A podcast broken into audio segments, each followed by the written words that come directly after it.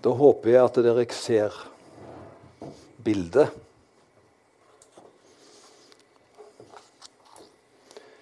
Det er i Jerusalem. Og teksten min i dag, det er eh, Jesus som er å møte han som hadde vært syk i 38 år ved Betestadammen. Det er teksten min i dag. Jeg skal straks lese, for det er Johannes 5, og så er det de 15 første versene der. Men eh, jeg hørte en veldig god historie på onsdag om, eh, om nåden. Eh, I 2007 så var det en stor konferanse i Spektrum i Oslo. Det kan jo være at det var en annen her som var der, men det var Jesuskvinner, heter det. De hadde en sånn kjempestor De fulgte opp Spektrum i 2007. Og det var fordi Anne Graham Lotz hun var hovedtaler. Datter til Bill Graham. Og De kjørte et voldsomt opplegg for å ha mange til Spektrum, og mange kom. Det ble satt opp to busser fra Rogaland inn til Oslo. En buss hadde utgangspunkt i Haugesund og nordover der, og så kjørte de over Haukeli. Og Den andre bussen kjørte fra Stavanger, men sørlandsruta til Oslo. Og du vet, Det sto Jesus-kvinner framme på bussen, så de skulle være klar over ikke sant? Det var den rette bussen de skulle bli med når de sto på angitt sted. Og så ble det så salig i den bussen at bussjåføren han glemte seg bort og kjørte for fort. Og så var det politikontroll. Og det var Mange av disse salige damene de var ikke klar over det, de, men de skjønte jo at bussen ble kalt inn til sida. Så ble det plutselig alvor for det en politimann som kom inn i bussen. Og så sier han til bussjåføren dette er fartskontroll, og dere kjører for fort. Det var jo litt pinlig, ikke sant? Men han eh, snakket med politiet, og så sier han i sin nød Kan ikke du bare denne gangen la nåde gå for rett? Han var alene på vakt, politiet. Så han bare trekte seg litt ut, og så hadde han en runde med seg sjøl. Og så tenkte han, hva gjør jeg? Og så kom han inn til bussjåføren og sier, denne gangen skal det gå, sa han. Dere kan kjøre videre. Og når sjåføren hadde forklarert at nå var det ingenting mer heftelser, og de skulle kjøre, så, så kjører han ned vinduet og så sier han, men du, det hadde jo vært artig å visst hvor fort vi kjørte. Og da svarer politimannen det er skjult i nåden. Jeg er temmelig sikker på at det måtte være en kristen politimann som var så inne i terminologien. Og jeg syns det er veldig godt jeg at masse er skjult i nåden. Jeg trenger den, du trenger den hver dag. Da går vi til teksten vår. Og det var som sagt Og jeg prøver og skal tale over søndagens eh, tekst dette halvåret. Så får vi se hvordan, eh, hvordan det blir.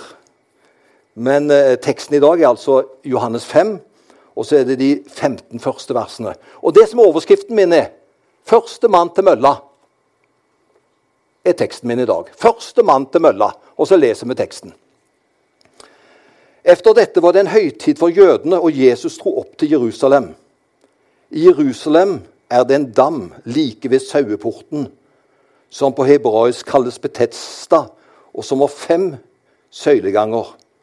I disse lå en stor mengde syke mennesker, blinde, lamme og uføre, som ventet på at vannet skulle bli rørt opp. En engel steg nemlig ned i dammen til visse tider og rørte opp vannet. Den som først kom uti etter at vannet var opprørt, ble frisk uansett hvilken sykdom han led av. Du ser her er det førstemann til mølla. Ok, da gikk det opp lys her nå. Det var en mann der som hadde hatt en sykdom i 38 år. Da Jesus så ham ligge der og visste at han allerede hadde hatt det slik lenge, sa han til ham, 'Vil du bli frisk?' Den syke mannen svarte, 'Herre, jeg har ikke et menneske som kan få meg ut i dammen når vannet blir opprørt. Mens jeg er på vei, går en annen uti før meg. Jesus sier til ham, Reis deg, ta sengen din og gå.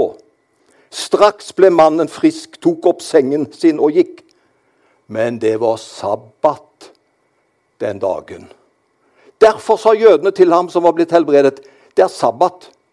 Du har ikke lov å bære sengen. Han svarte, han som gjorde meg frisk, sa til meg, ta sengen din og gå.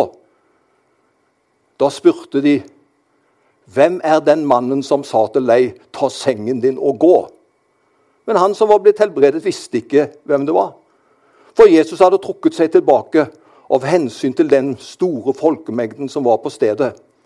Deretter fant Jesus ham i tempelet, og han sa til ham, Se, du er blitt frisk. Synd ikke mere, så ikke noe verre skal ramme deg.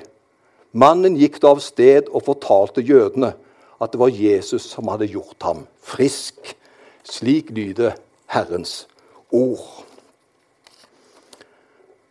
Når det annonseres med svært gode tilbud, kan det stå i annonser 'Førstemann til mølla'. Det er et begrensa antall, og da gjelder det å være rask så lenge man har det. Derfor førstemann til mølla. Det var slik det var ved Betestadammen i Jerusalem. Det var bare den som kom først ut i vannet, som ble helbredet. Betesta betyr forresten barmhjertighetens hus. Og jeg må nok si det, skal jeg være ærlig, og jeg ønsker å være ærlig alltid. Så syns jeg det var litt overdrivelse å kalle dammen for uh, barmhjertighetens hus. Da måtte flere blitt gode, mener jeg. Det var jo bare den første som kom uti. Han opplevde, eller hun opplevde barmhjertighet, men hva med de andre? Jeg syns det var litt overdrevet, men den ble kalt for barmhjertighetens hus. Noen opplevde iallfall barmhjertighet. Bakgrunnen for at Jesus var i Jerusalem denne gangen, var at det var en av jødenes høytider. Kanskje det var i forbindelse med Purim-festen. Purim-høytiden ble feiret til minne om Guds hjelp da jødefolket holdt på å bli utryddet. Heldigvis så ble dronning Ester et viktig redskap under den kritiske situasjonen jødefolket var under. Og folket ble reddet. Og det er forståelig at dette var så viktig for jødefolket. De ble redda og overlevde og ble ikke utrydda. Det var jo helt naturlig at dette måtte minnes og feires. Og denne høytiden, den samlet mange. Jesus var der også. Men for Jesus Og hør hva jeg sier nå. For Jesus er noe enda viktigere enn å feire høytider. Menneskene sto alltid høyest på hans prioriteringsliste. Mens mange feiret høytiden, beveger Jesus seg stille og sakte fra tempelet og høytiden og til den dammen som Jesus visste inderlig godt om. Og han visste hvordan de hadde det, de som var der. Hans hjerte banket nemlig for de som sliter. Ved Betestadammen lå mennesker som levde på samfunnets skyggeside.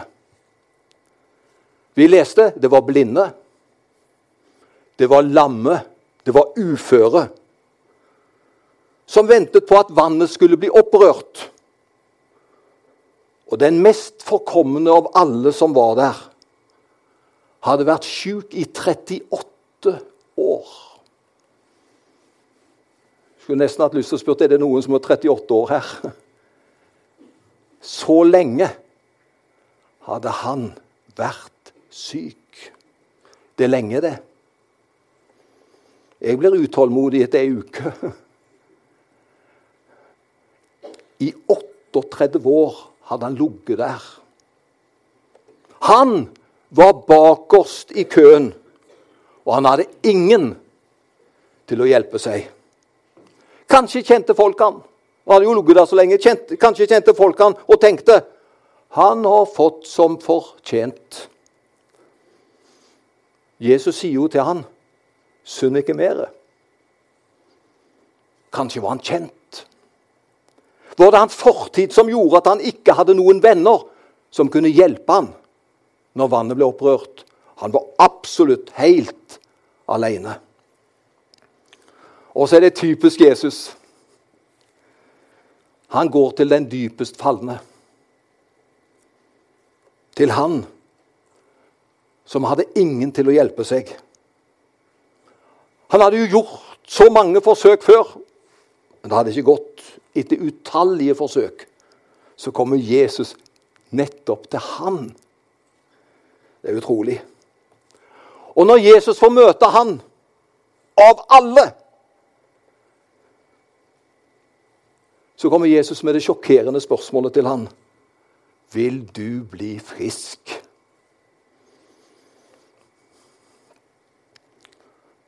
Hans mange forsøk hadde jo mislykkes.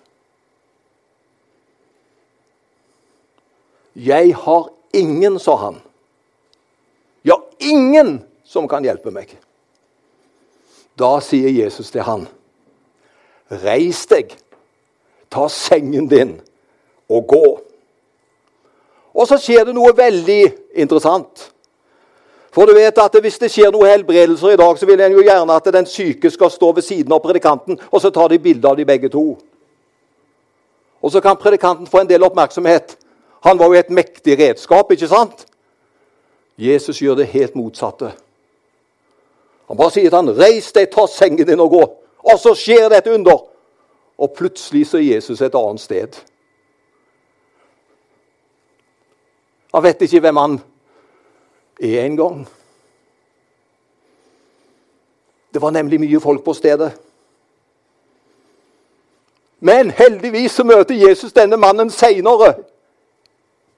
Det har gått noen timer, eller kanskje det neste dag. jeg vet ikke, For høytiden varte jo en stund. Men Jesus møter etter en periode den samme personen igjen. Og selvfølgelig Jesus kjenner han igjen.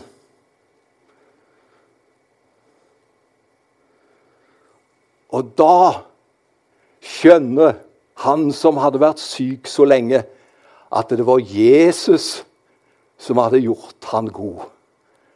Da går det opp for ham.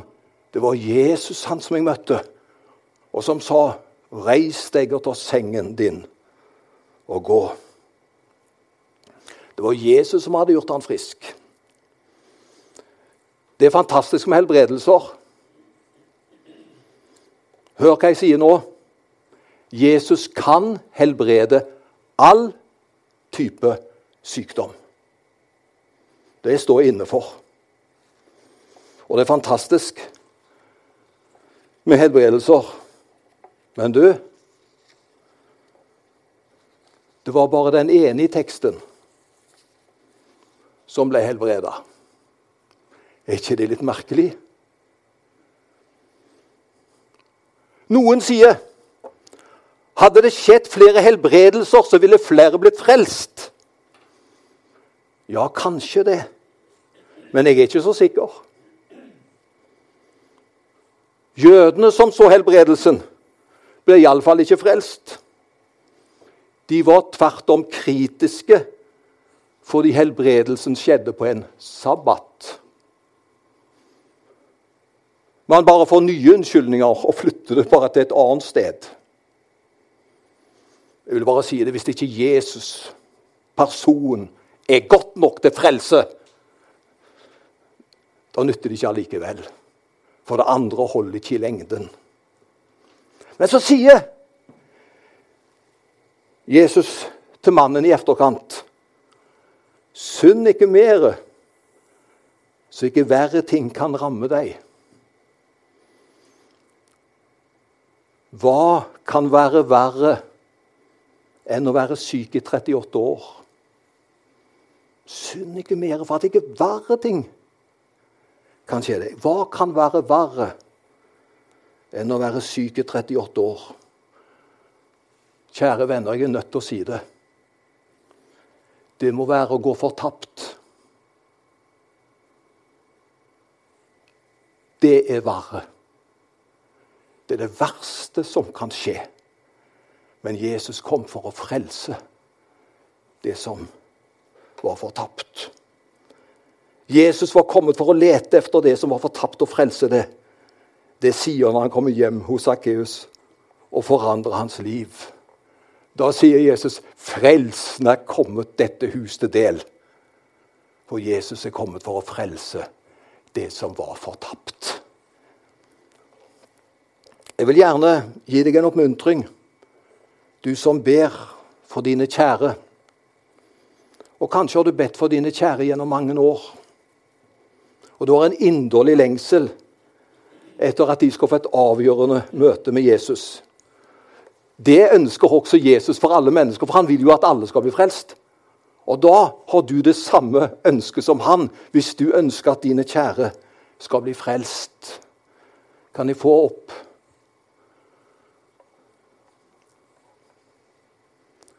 Du som ber for ditt barn, dine kjære, er i forbønn fra år og til år. Om du tålmodets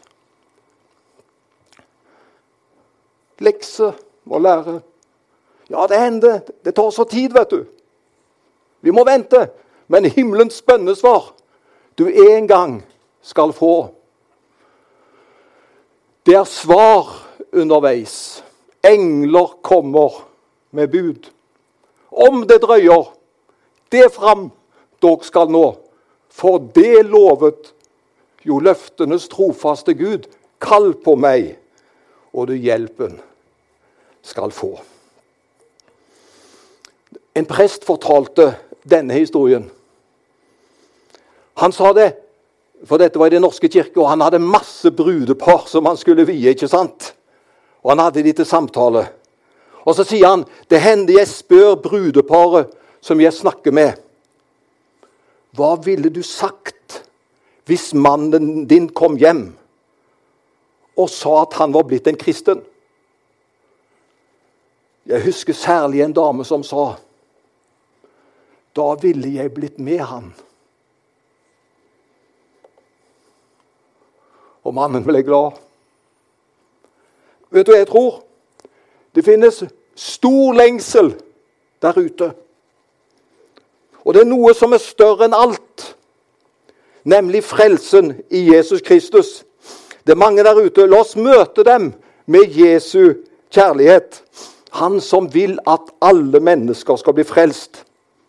Og i dag, mine venner, som Max sa, i dag, mine venner, så gjelder ikke lenger førstemann til mølla. Frelsen gjelder alle. Vi kan komme og ta imot. Bordet er dekket. Han venter på oss, og så ønsker han at vi skal komme og oppleve alt det gode han har for oss. Ære være Faderen og Sønnen og Den hellige ånd, som var, er og være skal, en sann Gud fra evighet og til evighet. Amen.